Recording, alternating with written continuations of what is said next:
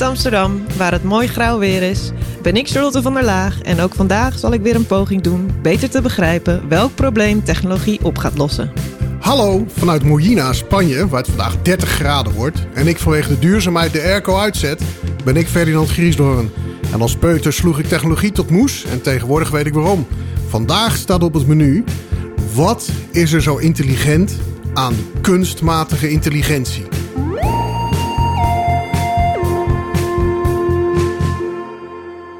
Nou, Ja, Charlotte, wat is er zo intelligent aan kunstmatige intelligentie?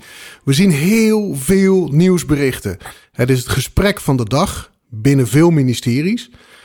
Wat zou jouw eerste reactie zijn als ik aan jou vraag: wat is er zo intelligent aan kunstmatige intelligentie? nou, dan val ik eigenlijk vrijwel meteen stil. Omdat ik denk van ja, wat, wat hebben, waar hebben we het dan precies over? En wat verstaan we onder intelligentie? Ehm, wat vinden we er slim aan? Eh, ja, het doet, doet gewoon, het maakt bepaalde beslis- beslissingen voor ons heel snel. En eh, eh, het voorspelt bepaalde dingen, hè, toeval, kans, berekening. Ehm, en daarmee lijkt het heel intelligent. Maar ik vraag me af of dat echt is. Ja, Hoe nou, daar, heb je ook wel iets, iets te pakken. Ik, ben een van de oude techneuten. Ik kom uit de tijd dat we begonnen met programmeren op wat men noemt een VIC-20. Dus dan, eh, ja, dan mocht je hem niet uitzetten, want dan was je programma gewoon kwijt.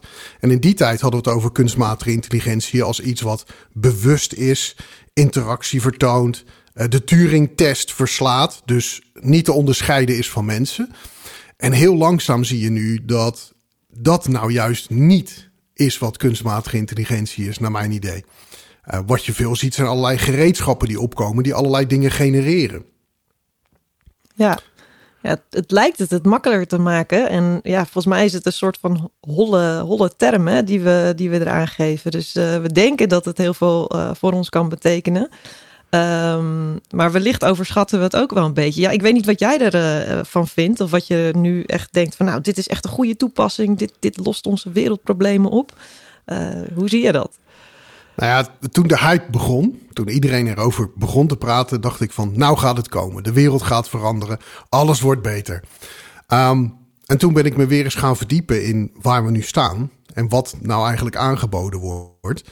En dan kom je erachter dat veel dingen die aangewezen worden als kunstmatige intelligentie eigenlijk meer een trucje zijn en vaak statistische trucjes. Dus inderdaad, wat jij net zei, dat het iets voorspelt. Ehm, en niet eens gebaseerd op het begrijpen van bijvoorbeeld een vraag die je stelt, maar eerder gewoon op een statistisch model. Daarvoor noemen ze het ook, eh, als je het hebt over OpenAI, ChatGTP, hebben ze het over large language models. Ehm, maar wat ze dan stiekem niet vertellen is dat het gewoon statistiek is op de achtergrond. Als jij een Ja. vraag stelt, gaat, gaat dat ding gaat voorspellen hè, met statistiek. Gaat hij eigenlijk een kansberekening doen. eh, wat het eerstvolgende woord zou moeten zijn wat hij neer moet zetten in het scherm. Ehm, en dat is natuurlijk heel raar. Want daardoor heb je de situatie dat het eigenlijk helemaal niet intelligent is. Niet zoals wij mensen intelligent zijn. Nou, precies. En het is wel grappig, want we hadden natuurlijk dit thema uitgekozen voor de podcast, omdat het om- onderwerp zo speelt. Dus ik heb me er een beetje in verdiept. En ik heb natuurlijk een achtergrond in psychologie en antropologische kijk op hoe je hè, organisaties zich eh, ontwikkelen. En eh, ik kwam het woord anthropomorphism tegen. En dat is eigenlijk dat wij een soort van betekenis geven aan nou ja, objecten of eh, het mythificeren. Dus dat we Ehm, dat we eigenlijk denken dat die technologie een soort van menselijk is. Maar dat, dat is het eigenlijk helemaal niet. En dat doen we eigenlijk ook met die AI een beetje. Hè? Dat, het, dat, we, eh, ja, dat, dat we inderdaad het eigenlijk veel meer toeschrijven dan dat het wellicht kan. En wat je zegt, als je het echt plat slaat, dan is het gewoon een soort van kansberekening. En dat kan het heel goed en heel snel. Maar dat is wel, eh, ja, eh, wat het dan vervolgens kan, ja, da- daar moeten we goed over, eh, over nadenken. Van lost het ook echt daadwerkelijk onze vragen op of de problemen die we hebben? Ja, de, antro, antropomorfisme. Volgens Is mij is dat de term. Ja, ja. En dat is dat ik bijvoorbeeld een gezicht in de maan zie. Het gezichtje in de maan. Ik zie een, een golfer in de wolken. Ehm, dat is ook waar je met veel van die conspiracy theories over dat er leven is op Mars. Dat ze gezichten zien en piramides zien die er niet zijn. Omdat we als mens proberen te herkennen. We zijn constant bezig met te herkennen wat er in de wereld eh, is. Nou, en ons referentiekader. Hè? Dus wij begrijpen eigenlijk de dingen die wij zelf ook uh, uh, zijn. Of daar kunnen we ons mee identificeren. Dus ja, we proberen ook allerlei attributen, of hoe je dat ook noemt, zeg maar, toe te kennen aan, aan uh, ja, iets wat, wat, wat technologie is. Of, en dat dat dan soort van menselijk te maken. Uh, en er daar ook heel weer heel angstig voor te zijn. Hè? Want als we het dan niet goed begrijpen, dan denken we weer dat het uh, heel duister gaat worden. En dat het allerlei dingen, nou ja, dat de wereld vergaat. Hè? De existentiële crisis waar we in zitten. ja. ja. Oké. Maar dat, ja, dat, dat is wat er ook gebeurt op dit moment met kunstmatige intelligentie. Er zijn heel veel mensen die inmiddels OpenAI gebruiken, ChatGPT. Uh, inmiddels zijn er ook een aantal andere producten die dingen creëren. Uh, zelfs muziek wordt gecreëerd. Uh, en men denkt dan dat dat door mensen is gedaan, of dat er inderdaad een intelligentie achter zit, een bewustzijn achter zit. Um, naar mijn idee is het probleem daar dat de context niet gebruikt wordt. Dus als je statistiek gebruikt, dan is dat zonder context. Um, dus zonder echt begrip. Dus daar zit iets uh, waarin je, denk ik, tegen een beperking aanloopt. Vanuit dat soort gereedschappen wat ze kunnen aanbieden. dus uh, de, wij als mensen, als we een verkeerde vraag stellen of een vraag stellen die een beetje lijkt op, um, op een onderwerp, um, dan kunnen we zelf daarover nadenken als ontvanger. Als jij een vraag aan mij stelt. Ja, um, ja. En dan kan ik daar een andere invulling aan geven, omdat ik jouw context ken. Ik weet waar jij vandaan komt. Ik weet welke uh, uh, vragen jij zou kunnen stellen. Dus dan kan ik daar begrijpend overkomen. Dit soort systemen kunnen dat niet die, die, die snappen de woorden niet eens, want die vertaalt hij naar getallen en daar gaat hij mee rekenen.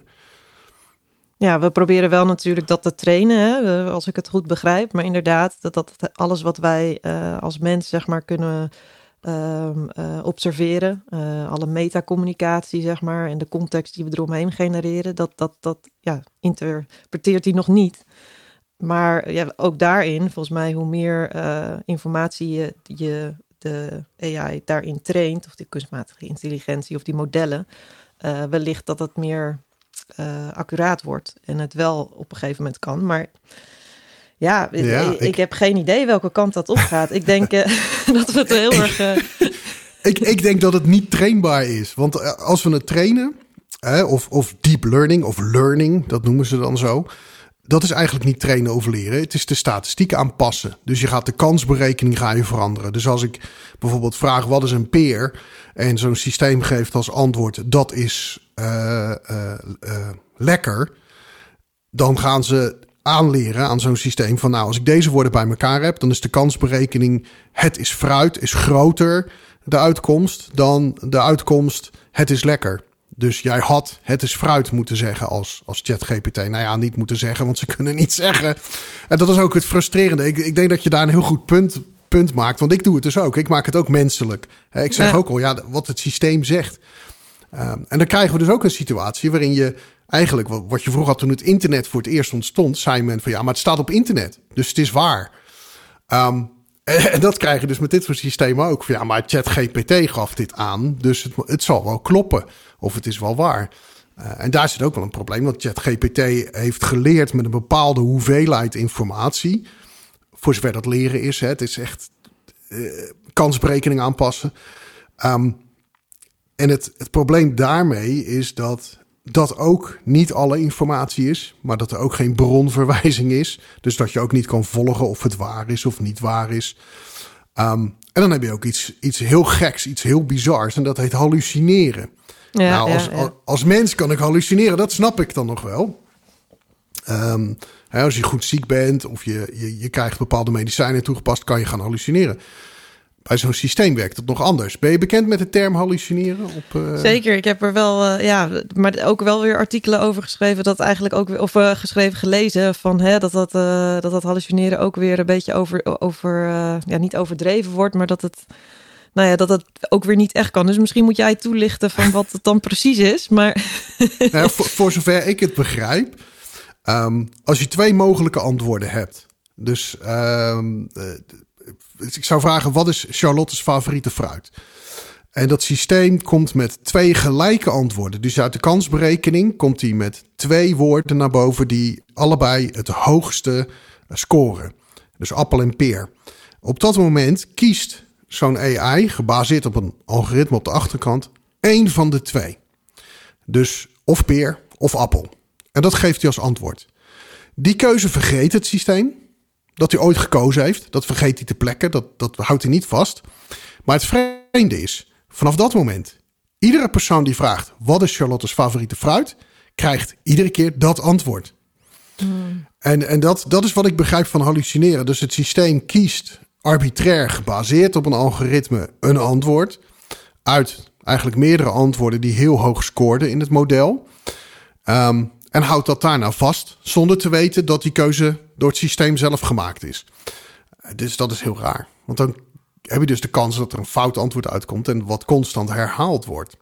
Nou ja, en dat is wel dat, ja, dat gaat alleen maar meer toenemen. Dus dat, dat vind ik het interessante eraan, is dat wij alle data die we instoppen en om ook al om het te trainen, in die, dat dat uh, alleen maar exponentieel meer wordt. Dus als je één keer ergens een foutje maakt in onderaan in die bouwsteen, dan is dat hele fundament zeg maar, van dat model uh, kan helemaal ja, wankel worden, omdat het gewoon nooit, uh, ja, dat we wellicht daarin dus verkeerde dingen hebben ingevoerd. En, ja, en ja, het is geen objectieve data. Het is not neutral. Dus het wordt ook nog interessant. We gaan het alleen maar versnellen nu met, met uh, zonder dat we er goed over nagedacht hebben aan de voorkant. Gaan we het alleen maar voller stoppen met uh, informatie. Dus we, ik las ook al artikelen dat het eigenlijk de kwaliteit afneemt. Uh, dus dat we niet grotere taalmodellen moeten hebben, maar dat we betere modellen moeten hebben. En nou ja, dat dat is wel interessant dat dat dus uh, dat dat zo gaat. En dat we het eigenlijk heel erg aan het vervuilen zijn op dit moment. Oh, dan moet je straks de komende tijd moeten we het weer allemaal gaan opruimen. Dus weer nieuwe. En daar, en daar zijn we gelukkig heel goed in in opruimen, gezien de hoeveelheid legacy systemen die we overal tegenkomen in de wereld. Um, ja, nee, ik, ik, denk dat dat wel een heel belangrijk punt is. Dat die uh, modellen vooroordelen met zich meebrengen, biases, zoals ze dat noemen. Uh, dat die erin sluipen. Um, dat ze daardoor niet altijd herkenbaar zijn. Uh, uh, maar dat het ook zo is dat het, dat het vervuilt. dat het, ik moet gelijk denken aan, aan die chatrobots die je op internet had. Um, waar op een gegeven moment een hele grote groep met mensen bepaalde chatrobots gedrag hebben aangeleerd wat echt niet oké is. Um, en zelfs die chatrobots racistische uitspraken lieten doen, uh, gebaseerd op vragen, omdat ze die door hun interactie getraind hadden om racistisch te worden. Um, wat natuurlijk heel gevaarlijk is. Kijk, als, als spelletje om te kijken hoe ver kan ik gaan met zo'n systeem en, en wat kan ik veroorzaken, snap ik dat. Maar in het maatschappelijke, uh, in het werk wat binnen de Rijksoverheid bijvoorbeeld plaatsvindt, uh, kan dat natuurlijk niet dan kunnen we niet systemen hebben waarin we dat soort problemen hebben met vooroordelen. Um, nou ja, zie het algoritme, toeslagenaffaire. Dat noemt men ook al kunstmatige intelligentie. En daar zie je hoe dat enorm kan ontsporen als je daar niet goed over nadenkt. En ik denk dat je daar een punt hebt. Als je een kleiner taalmodel hebt, wat je beter kan beheersen, wordt dat makkelijker. Ja, maar hoe meer je het ja, hoe groter je het maakt, hoe complexer het wordt. Uh, maar ik denk dat we ook dus onderschatten dat we, nou ja, die design principles, hè, die ontwerpprincipes, die, die waarden die je eraan mee wil geven, die we met elkaar eigenlijk, waar je echt goed over na moet denken met elkaar. En nou, dat is vaak ook een beetje in een grijs gebied. Hè. Dat, uh, dat, dat gaat over uh, nou ja, je, je publieke waarden, je. Um, um, hoe je als mens tegen bepaalde dingen kijkt, daar, daar nemen we soms niet genoeg tijd voor. We zijn heel erg geneigd, dat zie ik heel vaak ook in de, in de organisatie. Ik loop dan bij verschillende uh, ministeries af en toe rond. En dan uh, we gaan heel snel in die technologische oplossing. Dus ook nu weer met AI of kunst of uh, generative AI denken we, oh, dat is de oplossing voor alles. En laten we het vooral aanschaffen. En, maar ja, eerst moet je goed begrijpen van wat is nou daadwerkelijk onze vraag? Welk probleem willen we oplossen? En is dit dan de juiste oplossing? En zo ja, welke uh, voorwaarden willen we daar dan, uh, of randvoorwaarden moeten we daaraan uh, meegeven, voordat we er überhaupt mee kunnen starten? En dat gesprek mag wat mij betreft langer gevoerd worden, want dat is best wel een moeilijk gesprek, omdat je daarmee wel heel goed moet weten van oké, wat moet het nou voor ons gaan betekenen?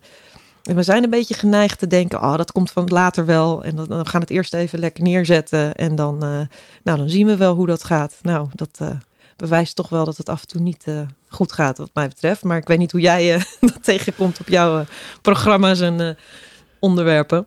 Nou ja, ik, zie het natuurlijk um, van buitenaf. de, grootste ergernis die, die ik daar heb, is het komt van buitenaf. Dus je hebt er totaal geen controle over. En als je dan kijkt naar de onderzoeken, uh, dan wordt het al massaal gebruikt. En het wordt ook massaal gebruikt door, door beleidsmedewerkers. En dan denk ik, joh, ah, hoe kijken die mensen er tegenaan? En doen ze dat vanuit gemakzucht? Zijn ze bekend met de beperkingen? Um, begrijpen ze dat als je een vraag stelt aan zo'n systeem, dat het ook inhoudt dat je informatie meegeeft aan zo'n systeem? Dus dat komt ook bij iemand terecht. Um, en wat ik daarin ook van belang vind, is, is wat jij inderdaad zegt, die ontwerpparameters, die kennen we niet. We weten niet waarmee die systemen geladen zijn, met welke normen en waarden, welke vooroordelen. Um, terwijl daar wel mensen zijn die beleidsmatige vragen stellen aan die systemen. En dus ook veronderstellen dat die systemen het antwoord hebben. En het gekke is, als je met zo'n systeem werkt, dan heb je dat idee ook. Je stelt een vraag en je krijgt een antwoord. En dat is natuurlijk een, een soort revolutionaire uh, verandering. En het gaat alleen maar om de perceptie, want je hebt het idee dat je een antwoord krijgt. Maar vroeger zaten we ons helemaal kapot te googlen. En dan zoek je van alles en nog wat. En dan denk je, jeetje, ik heb een hele tijd allerlei websites bekeken, maar ik heb nog steeds geen antwoord op mijn vraag. En nu heb je dus systemen. En dan stel ik mijn vraag en ik krijg gewoon een antwoord. Ja. En als dat antwoord een beetje lijkt op wat ik fatsoenlijk vind, dan zeg ik, nou, ik heb hem. Tada, knippen, plakken, meenemen. En, en dat is gelukt. Um, hoe, hoe komt dat? Heb jij daar een idee bij hoe, hoe, dat, hoe dat ontstaat? Waarom mensen zo. Um, is dat nou echt puur gemakzucht of, of speelt er ook nog wat anders? Of is het inderdaad wat jij zegt van ze herkennen het als iets menselijks? Of wat gebeurt er nou eigenlijk? Hè? Nou, ik denk dat het, het lost deels van onze weet je, problemen op. Als jij dagelijks uh, iets moet uh, opzoeken of een bepaald werk moet doen en iets vergemakkelijkt dat, dan denk ik dat dat heel fijn is. Het risico erin is dat, dat inderdaad de, de, de techbedrijven die erachter zitten, die bepalen welke, welke, op een bepaalde manier wat voor uitkomsten er komen en wat, ja, wat, welke waarden er zijn meegegeven of hoe ze dat hebben ingesteld. En ik denk dat wij als mens, maar dat is, ik weet, ik heb dat niet uh, uh, uitgezocht, uh, toch ook wel heel erg gemakzuchtig zijn. Dat als iets voor ons uitge of gegenereerd wordt als antwoord, dat we denken, nou oké, ja, dit, dit ligt een beetje in lijn met wat ik, wat ik zocht.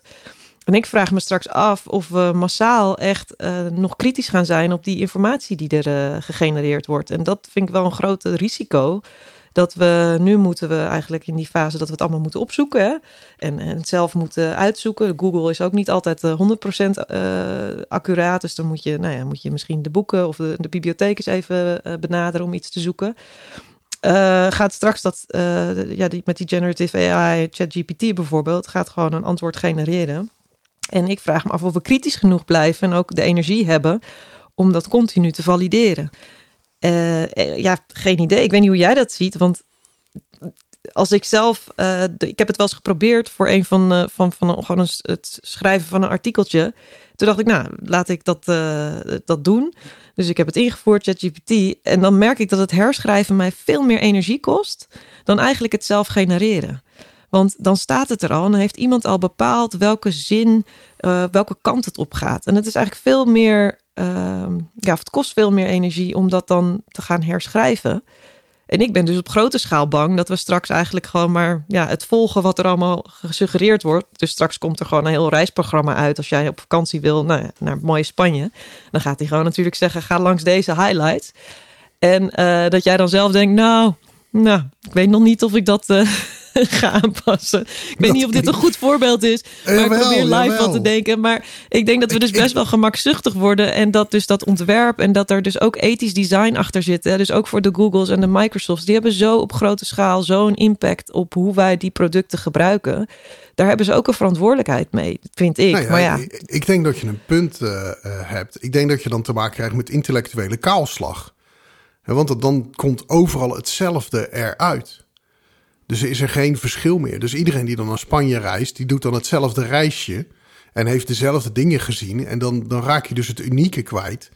Um, en dan wordt het interessant. Want elk ministerie heeft een eigen maatschappelijke opgave. En als daar het beleid. Nou, nu vind ik het af en toe al. Um, benauwend als ik zie dat er heel veel echt hetzelfde is, ook wereldwijd. Hè? Um, Hoe bedoel je dat, dan? Nou ja, dat je dus wereldwijd een synchronisatie ziet van beleid, bijvoorbeeld. Dus dat alle landen hetzelfde zeggen. En precies hetzelfde. Dus niet eens met, met punt, komma of nuanceverschillen, maar gewoon echt precies hetzelfde zeggen over hetzelfde onderwerp.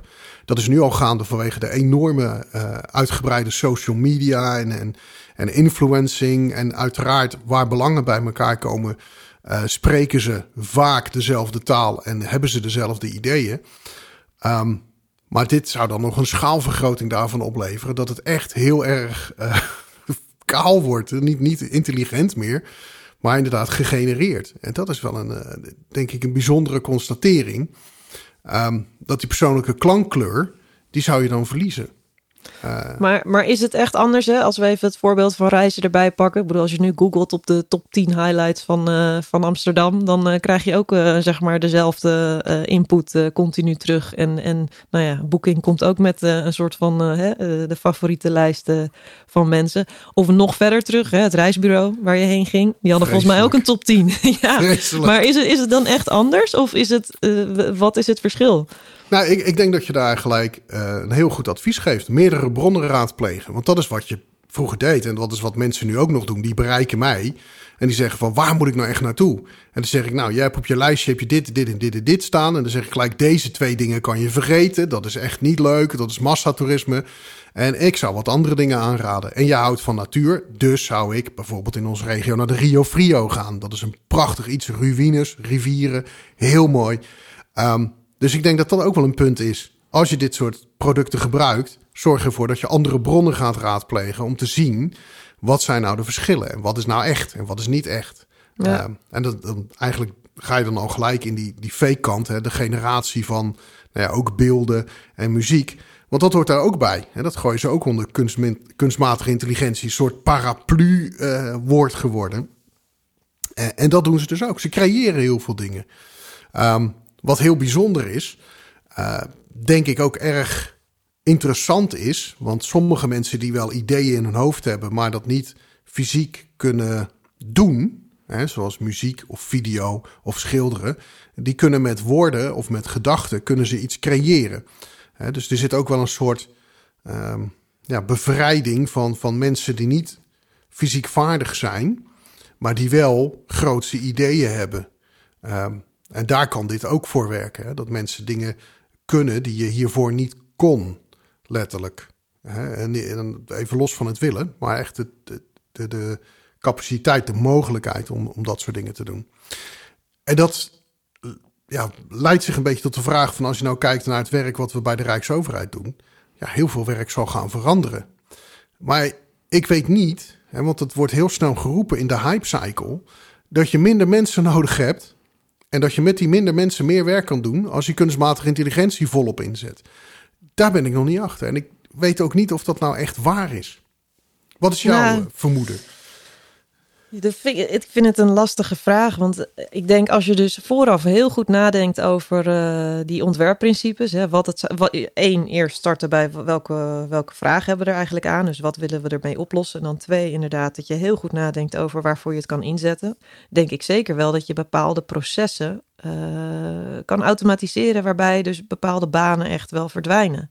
Maar tegelijkertijd zal het dus op een andere plek, op een andere vorm wellicht weer uh, de baan terugkomen.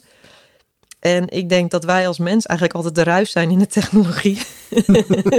Zonder het ons is het niks. zit tussen het toetsenbord en de stoel. Nou ja, als ik kijk naar organisaties, dan gaat het uiteindelijk om de cultuur die, er, die daar is, die de mensen met elkaar hebben. En ja, Uh, wij zijn ook degene die volgens mij in sommige gevallen de snelheid bepalen. Hoewel ik ook met deze ontwikkelingen wel zie dat we echt op een andere manier naar bepaalde vraagstukken moeten kijken. Want we denken nog heel erg lineair daarin. Hè? Dat het gewoon, oké, nou, we kunnen bepaalde processen sneller doen.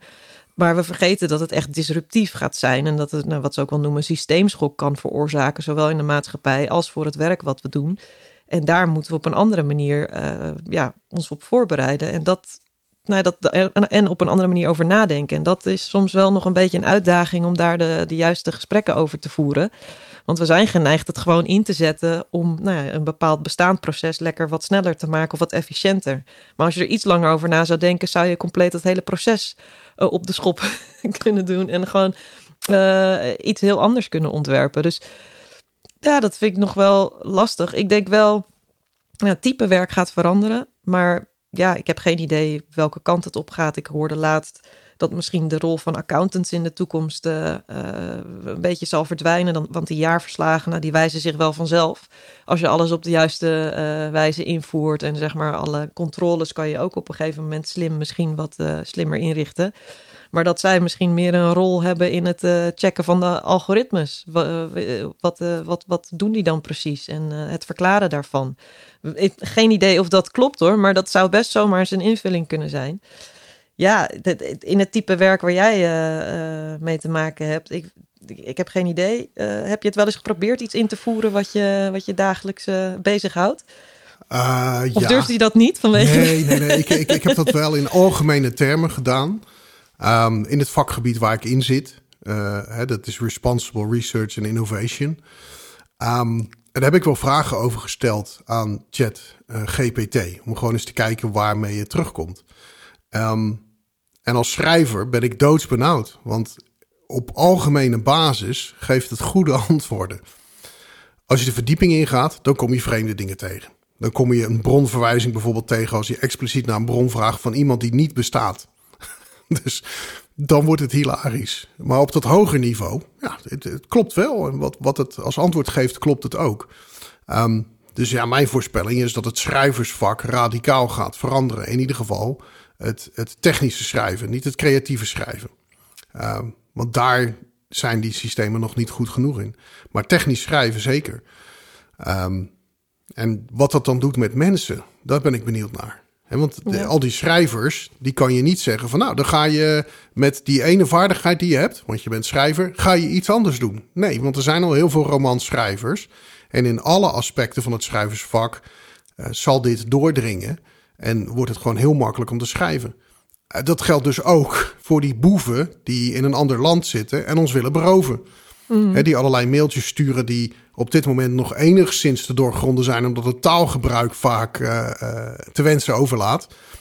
Uh, maar dat soort jongens worden natuurlijk ook beter. Jij kan dadelijk het verschil niet zien tussen een, een e-mailtje van de ING-bank of een e-mailtje van een Fisher die bij jou geld komt pikken, ja. doordat hij wil dat je ergens op klikt van de ING-bank twee dingen daarop. Ik heb volgens mij ooit begrepen dat ze dat bewust doen. Hè? Die spelfouten maken om al te filteren tussen een bepaalde doelgroep die daar dus vatbaarder voor is. Dus dat je daarmee al uh, voorselecteert.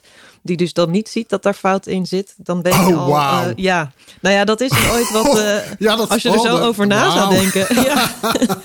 nou, het, het oh. zou heel, heel slim zijn. Maar dat is dus wel ja. een manier. En inderdaad, laatst dacht ik ook over al die apps die we in de App Store hebben. Hè. Je, we moeten, die, bepaalde bedrijven zullen over, na moeten gaan denken over het verifiëren van, van, van uh, informatie. Want het wordt voor ons steeds lastiger te onderscheiden van echt. Uh, ik heb ook wel eens een ontwerp uh, of een experience design bureau gewerkt. En daar was een ontwerper bezig met, nou, die kreeg een pakketje of zo. En op een gegeven moment zat hij een hele tunnel al van het invullen. Op een gegeven moment kwam de vraag van hoe laat ben je thuis normaal overdag? En toen dacht hij, huh? nee, dit, dit is een beetje gek. En uiteindelijk was hij er dus zelf ingetrapt, terwijl hij normaal dit soort flows bouwt en ontwerpt, uh, dat hij bijna zeg maar geklikt had van oh jee, ik had echt gegevens weggegeven in zo'n uh, zo'n uh, ja, wow. valse e-mail. dus toen, toen was het ook al lastig van echt te onderscheiden. En ik denk dus dat de Google Play Store of de Apple Store, of hoe dat online heet, dat je dan de App Store uh, straks kan je misschien met behulp van die generative AI binnen een dag gewoon een complete bunk-app nabouwen of zo. Geen idee dat er qua interactie uh, of uh, interaction model het er hetzelfde uitziet.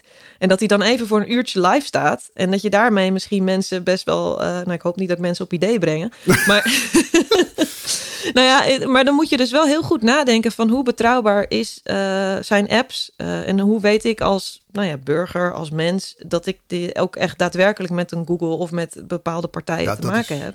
Dat is echt en, heel kwetsbaar. Ja, wellicht gaat deze technologie er echt voor zorgen dat wij dus eh, zoveel, dat het eigenlijk zo vervuilend werkt in alles wat wij kenden, dat ons vertrouwen in al dit soort eh, ja, eh, systemen juist gaat afnemen. En dat we weer terug willen naar eh, de, de fysieke, lokale eh, interactie. Ehm, ja, ik, ik ben heel benieuwd. En wellicht ook dat hele synthetische, hè? dus straks die hele discussie over de acteurs en het schrijf- schrijven van scripts en boeken. Hollywood. Ja, dat we straks echt weer gaan waarderen dat het echt geschreven is. Dat we misschien wel weer eh, de, dat de, de, de drukpers weer aangaat. Ik Met vind gewoon. het- eh, Ja, ik, ik Ja. vind het zelf zo raar als ik acteurs zie zoals Robert De Niro of Mel Gibson. En die hebben ze dan eh, eh, jong gemaakt in een, in een film. Ja. Hè, of Harrison Ford in het laatste Indiana Jones. En dan denk je echt van, waarvoor is dit nodig? Weet je, mag je niet meer oud zijn? Of, eh, ehm, en inderdaad het klonen. Nou ja, er is daar een complete demonstratie geweest tegen het, het klonen van acteurs. En vooral de achtergrondacteurs, die ze gewoon ongevraagd een scan van hebben gemaakt. En dan, eh, ja, dat hebben we jou niet meer nodig. Dat is dankjewel voor de scan. En eh, we gebruiken jouw scan om achtergrondacteurs eh, in een film te gebruiken. Ehm, die worden dus gegenereerd en jij hoeft niet meer op te komen dagen. ja, Daar is een, een, een complete demonstratie tegengekomen. We gaan dat denk ik met meer onderwerpen zien. Hè? Met misschien schrijvers, schilders, muzikanten. Ehm, dus ja, dat is wel heel bijzonder. Er, er zit wel iets, en dat is een link naar een onderwerp waar we het vandaag niet over hebben. Maar ik denk dat het kwantumtijdperk en de kwantumtechnologieën daar iets in kunnen bieden. Omdat we daarmee gebaseerd op natuurkundige basis eh, dingen kunnen creëren die als het ware als een soort certificaat gebruikt kunnen worden. Zodat je kan zien wat is echt en wat is niet echt. Maar of dat gaat helpen en of mensen dat aan boord nemen, dat weet ik helemaal niet. Want ik kom ook, nou ja, ik kom ook mensen tegen die, die nemen eh, Lucky TV, sommige dingen daarvan zelfs al aan als... Ja, maar dat zei die toen toch? Eh, Koning Willem-Alexander. Haha, wat is een grapjurk. Eh, Ja. ja, maar je weet toch wel dat dat satire is? Je weet toch wel dat dat niet echt is? Nou, de- dus daar gebeurt dat al. Dus ja. dat, Nee, dat ik, zou, wel... ik, ik ben dus wel benieuwd of we dan relatief gezien, zeg maar, de, de- als mensheid nou er, dus intelligenter op zijn geworden met al die ontwikkelingen in technologie. Of dat we als we terugkijken naar de, de middeleeuwen, waar je misschien naar een plein ging en niet, nog niet kon lezen. En dan moest vertrouwen op de enige persoon die dan het nieuws die voor, eh, las. vertelt. Ja, die dan de waarheid vertelt. Zijn we er nou echt op vooruit gegaan? Want nu heb je straks allemaal berichten waarvan je niet meer weet van wat je wel of niet kan vertrouwen. Ik, ik, ja, ik zou het historisch gezien wel eens willen weten. Van zijn we nou beter geïnformeerd nu? Of is het gewoon hetzelfde gebleven? Blijft het ik- constant?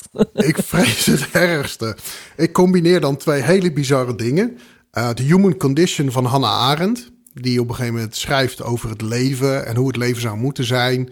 Eh, daar komen allerlei aspecten in naar voren, hè, zoals gezondheid, hè, dat je moet bewegen, dat je moet sporten en dat je moet streven naar helderheid van geest. En dan combineer ik dat met eh, een, een Disney Pixar film eh, met dat gele robotje. Hoe heet die ook weer? Wally. Ja, Wally. Ja, geweldig. En dan zie je al die mensen zie je zweven in die stoelen. En ze zijn allemaal obese. Maar ja, dat Ja. woord zal dan wel uitgebannen zijn, want dat mag niet meer gebruikt worden. En, en- en- in die combinatie vindt iets plaats. Want Ja. die, het- zeg maar het appel wat Hannah Arendt doet ehm, voor het betere leven, dat is naar de achtergrond verdwenen. Eh, waar Orson Welles uiteindelijk schrijft: wat moeten mensen nog met hun leven als we allemaal systemen om ons heen die alles voor ons doen? Wat, wat moeten we dan nog met ons leven? En dan denk ik aan Wally. En dan Ja, zie ik nou dus ja, mensen ik denk ook, ik, ik heb het ook al vaker. Ja.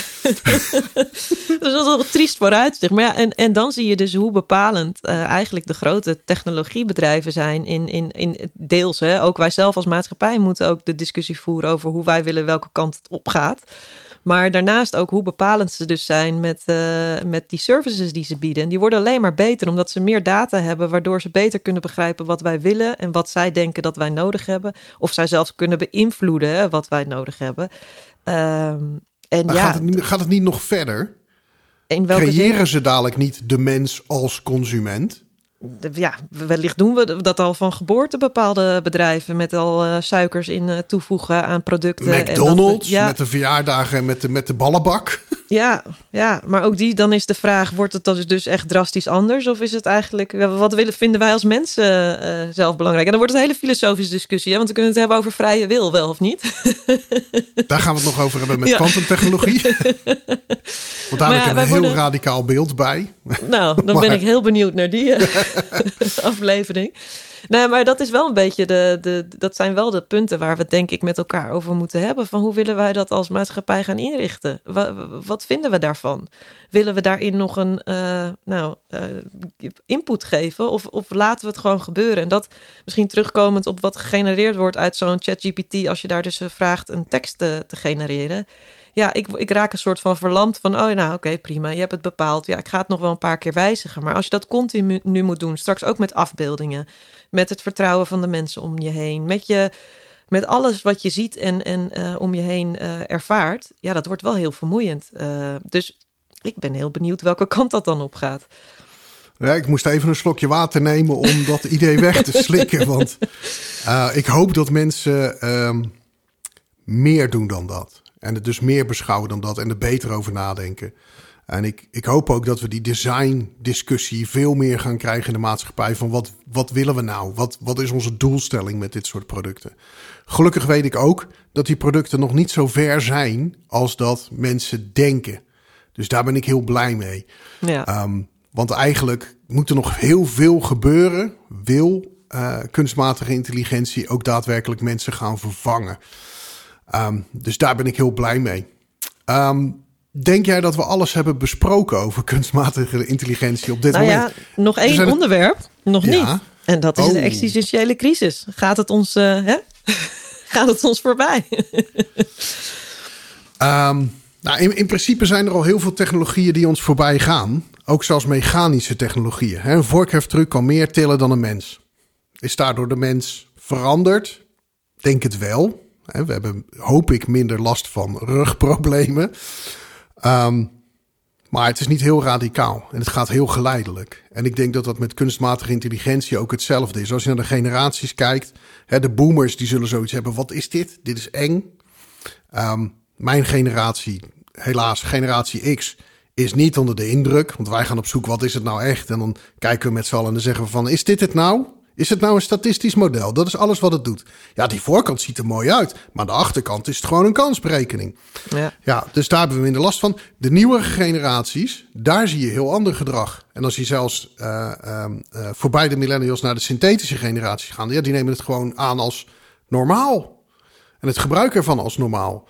Uh, dus in de tijd gezien, ja, er gaat nog veel tijd overheen. Wil dit echt um, gemeenschappelijk worden in, in onze maatschappij? En er moet nog heel veel gebeuren, heel veel dialogen. Nou ja, in Europa zijn ze dus bezig met die AI Act, heb ik gelezen. En daar zie je ook dat ze eigenlijk nog geen goede uh, analyse hebben van wat het nou eigenlijk is, de duiding ervan. Ja. Uh, want ik, ik scheid dat heel anders van elkaar. Uh, kunstmatige intelligentie is niet wat we nu zien. Ik zie ChatGPT als een kunstmatige actor. Hè, die, die kan je doelen laten bereiken. Want dat is wat je doet. Jij stelt een vraag en je krijgt antwoorden. Uh, en er zijn misschien inmiddels al systemen die ook doelen kunnen stellen. Uh, maar de combinatie wordt pas heel gevaarlijk als je systemen krijgt die doelen kunnen stellen en ze kunnen bereiken. Want dat laatste vereist namelijk bewustzijn en context. Het snappen van context en hoe je daarin moet bewegen. En dan kom je echt aan kunstmatige intelligentie. Dan kom je echt um, aan het idee van de singularity, waarin de mensheid echt onherkenbaar verandert. En of in een existentiële crisis terechtkomt. En want dan moet je inderdaad gaan vragen: wat moeten we dan nog met ons leven als alles om ons heen geregeld is door andere systemen? En is dat wenselijk? Wil je dat? Nou ja, dat is wel dus uh, nog een hele spannende vraag eigenlijk, hè? Wat zou, hoe zie jij dat? Nou ja, ik kan het niet goed, uh, niet goed duiden. Ik lees daar ook dat het eigenlijk nu hè, een soort van narratief is wat gebruikt wordt om uh, ook die techbedrijven meer macht te geven om juist te kunnen reguleren en er een grotere rol in te spelen. Um, ja, ik las ook dat het echt een soort van Silicon Valley groep, een soort van long-termism-achtig idee aanhaakt. Dat ze over generaties uh, zoveel verder, uh, honderden jaren, duizenden jaren verder, dat ze nu eigenlijk al dingen moeten doen om die te beschermen. En dat daarbij ook al drastische dingen uh, ja, sacrifices gemaakt kunnen worden. dacht ik, nou, dat gaat wel heel erg uh, dat klinkt heel erg kant, Isaac Asimov-achtig. Nou ja, en ik denk ook van, maar zo, zo, zulke macht wil je ook niet geven aan, eigenlijk aan de mens, lijkt mij. Dit is gewoon, ja, dus, nou ja, dat, dus dat terzijde. Ik, ik vind het lastig uh, te duiden wat het echt kan, of het nou echt een risico is of niet. Kijk, als je een beetje programmeert of als je bijvoorbeeld, nou, ik heb wel eens een zo'n codingcursus gevolgd, uh, nerd alert, maar hè, wel eens gedaan. Um, en uh, Python. En, en daarmee uh, had je, dat was bij Stanford, en dan had je Karel en dat was een poppetje en dan maakte het heel visueel als je opdrachten gaf om dat te doen. En dan moest je vooraf heel goed nadenken over wat je eigenlijk wilde dat dat poppetje deed. En als je dan een fout maakte in je code, bleef hij maar rondjes lopen, want dat is wat je doet. Je, geeft een, je bedenkt een opdracht en dan blijft hij maar naar rechts lopen, omdat je niet bedacht hebt, oh ja, ik moet ook nog weer even terugprogrammeren dat hij uiteindelijk rechtdoor loopt. En daar ben ik met dit, dit soort technologie een beetje bang voor. Dat wij vooraf niet goed uh, hebben nagedacht over wat, wat eigenlijk de, de, nevenschade ervan kan zijn. Dus als we het eigenlijk de opdracht geven ja, één ding te doen, dat hij dat ook maar blijft doen. En uh, nou, daar gaat zo'n voorbeeld volgens mij over de, het bouwen van die paperclips. Dat je dat aan een, kunstmatige intelligentie meegeeft. En dat die zo. Uh, hard die paperclips gaat maken, dat op een gegeven moment de mensheid uitroeit. Want hè, hij had als doel die paperclips te maken en de mensheid was een risico, want die wilde de resources voor andere dingen hebben. En dat je daarmee eigenlijk, nou ja, dat is zo'n zo'n voorbeeld wat dan gebruikt wordt van ja, daarmee eh, heb je, zonder dat het echt bewust was om de mensen uit te roeien, was het een soort van neveneffect uh, wat, wat bereikt werd, omdat het één opdracht kreeg. En nou ja, dat, dat, ik ben benieuwd of wij kunnen overzien uh, wat de effecten zijn van die technologie die we nu genereren, die nou toch echt wel een beetje ons eigen intelligentieniveau, of nou eigenlijk ook weer niet, hè, kansberekening, maar uh, ons vooruitziende blik uh, kan, ehm, ja, kan, of we dat kunnen overzien. Dus ik, ik, ik heb er geen idee. Je, je, zit daar ook een beetje in de, hoek, in, de, hoek van het instrumentalisme. En dat je zegt van ja, de, de mens geeft een opdracht en zo'n systeem gaat iets door. Doet iets kan je ook een opdracht geven om te stoppen. Ja. Zou kunnen. Waar ik me meer zorgen over maak is eh, eigenlijk twee aspecten. Als we iets ontwerpen, dan gebruiken we het ook op alle mogelijkheden waarop we het kunnen gebruiken. En om dat simpel uit te leggen, we hebben ooit een hamer uitgevonden en dat was bedoeling dat we daarmee spijkers sloegen. Ik denk dat we misschien een, een, paar weken nadat we de hamer uit hebben gevonden, de eerste moord hebben gepleegd. Iemand heeft met een hamer bij de andere de hersens ingeslagen. En dat doen we met al dat soort technologieën. Er zijn ontwerponderdelen die op een manier gebruikt kunnen worden die we van tevoren niet zien. En die zijn, wat mij betreft, heel risicovol.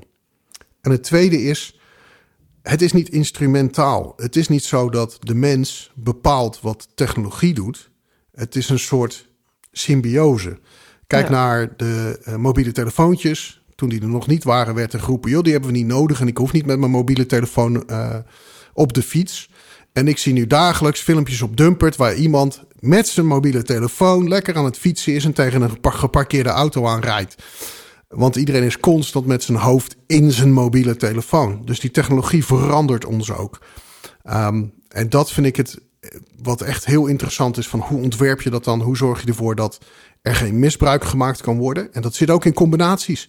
Want als je die systemen hebt die doelen kunnen stellen en systemen die doelen kunnen bereiken. Als je twee van die systemen aan elkaar koppelt, heb je dan een heel gevaarlijk systeem. Ja, ja. Um, en hoe we daar precies mee bezig zijn, ook in Europa, maar ook bij ons in de Rijksoverheid, we zijn er nog niet klaar voor. We hebben nog niet de antwoorden.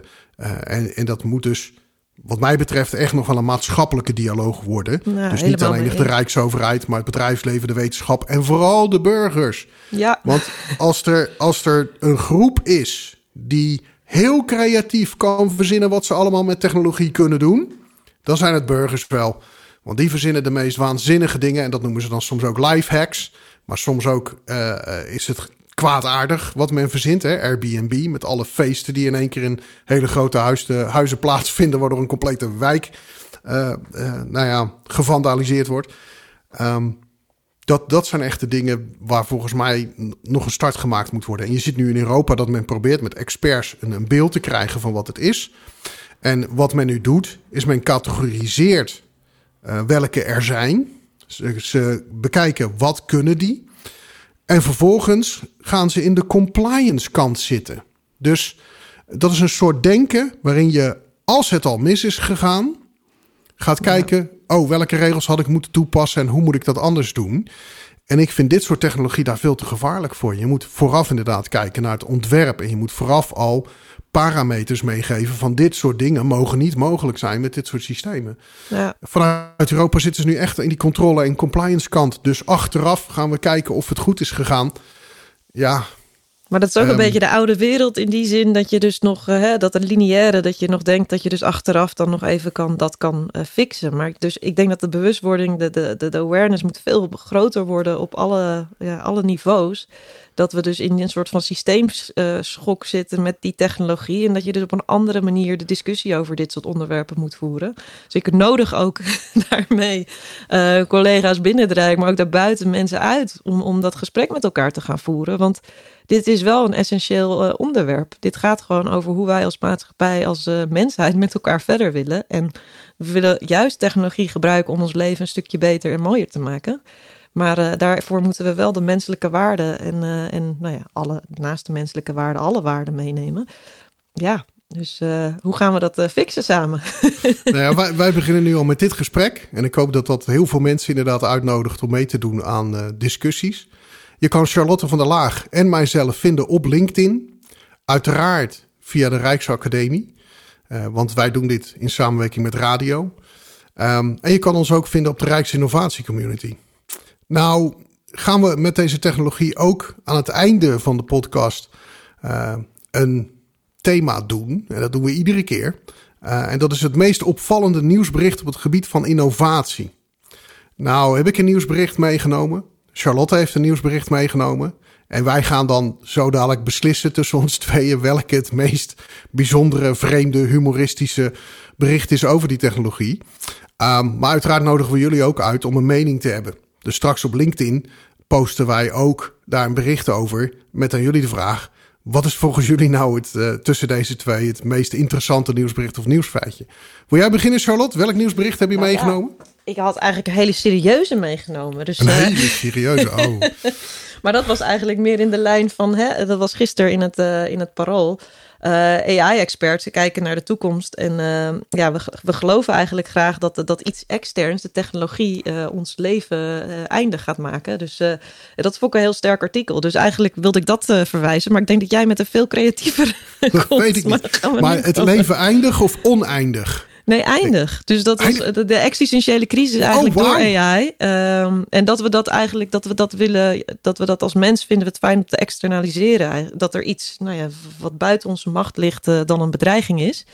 Oh. Ehm, en dat dat dus eigenlijk in die zin wel een beetje meevalt, maar dat we nog steeds wel serieus moeten kijken naar wat uh, voor bedreigingen er met deze technologie komen. Dus we zetten het in de show notes, denk ik, uh, welke artikel dit is. Maar ik ben heel benieuwd naar die van jou. Um, nou, laat ik eerst reageren op, dat bericht. Er zijn zoveel mogelijkheden om de mensheid te beëindigen. Een meteoriet vanuit de ruimte lost dat al op. Um, het, het, een supervulkaan uh, kan dat al veroorzaken.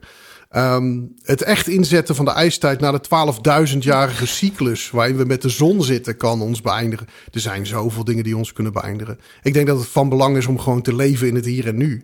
Um, en met dit soort technologie gewoon alsnog goed na te denken wat we moeten. Um, het meest opvallende bericht wat ik heb langs zien komen ging over Spotify.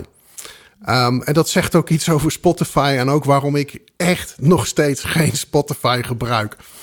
Uh, Spotify's baas, Daniel Ek, die geeft eigenlijk aan dat ze kunstmatig gecreëerde muziek gewoon zullen toestaan op hun platform. Dus dat houdt in dat je straks uh, een, een slimme techneut krijgt en die programmeert wat en die doet iets met AI en die spuugt er 10 miljoen liedjes uit in allerlei verschillende versies. Die lijken op Bruce Springsteen, die lijken op The Weeknd, die lijken op Amy Winehouse, die lijken op DJ Chesto. Het maakt niet uit.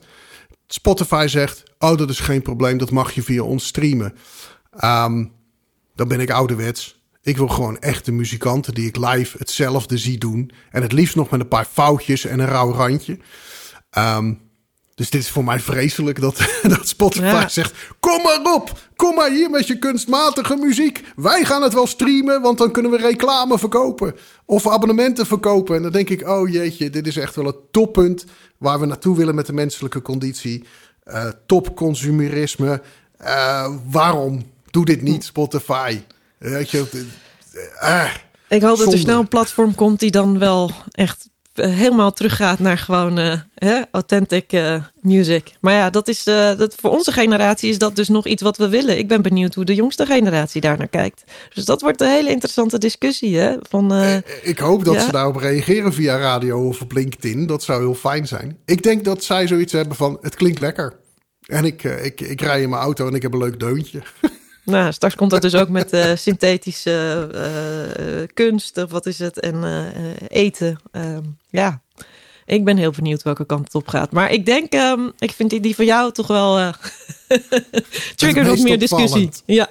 het meest opvallend. Dankjewel. Dan is het 1-0 voor mij. Hiep hoi. Ik ga mijn best doen voor de volgende keer. de volgende keer krijg je weer een, weer een kans. Nou, vanuit Moina, Spanje waar het inmiddels uh, 24 graden is. Het is nog niet de 30 graden die het vanmiddag uh, wordt. Ben ik Ferdinand Griesdoorn en vandaag heb ik geleerd dat we heel goed moeten nadenken over kunstmatige intelligentie en vooral het ontwerp wat we toepassen. Um, ja. Charlotte? En vanuit Amsterdam, waar het nog steeds grauw weer is, um, ja, ben ik Charlotte van der Laag. En heb ik vandaag geleerd dat uh, technologie. Ja, welk probleem lost het nou op? Nou, we zijn er nog niet helemaal over uit. Dus laten we vooral die discussie met elkaar voeren. Dat is wat ik heb geleerd. Dankjewel. En de volgende keer gaan we het hebben over kwantumtechnologie. Want daar staat ook heel veel voor op het programma in Europa, binnen de Rijksoverheid en in Nederland. En misschien zit er ook nog wel een hele grote grondstoffendiscussie onder. Uh, die wordt heel interessant. Ik ben heel benieuwd. Uh, dankjewel. Ja, dankjewel voor het luisteren.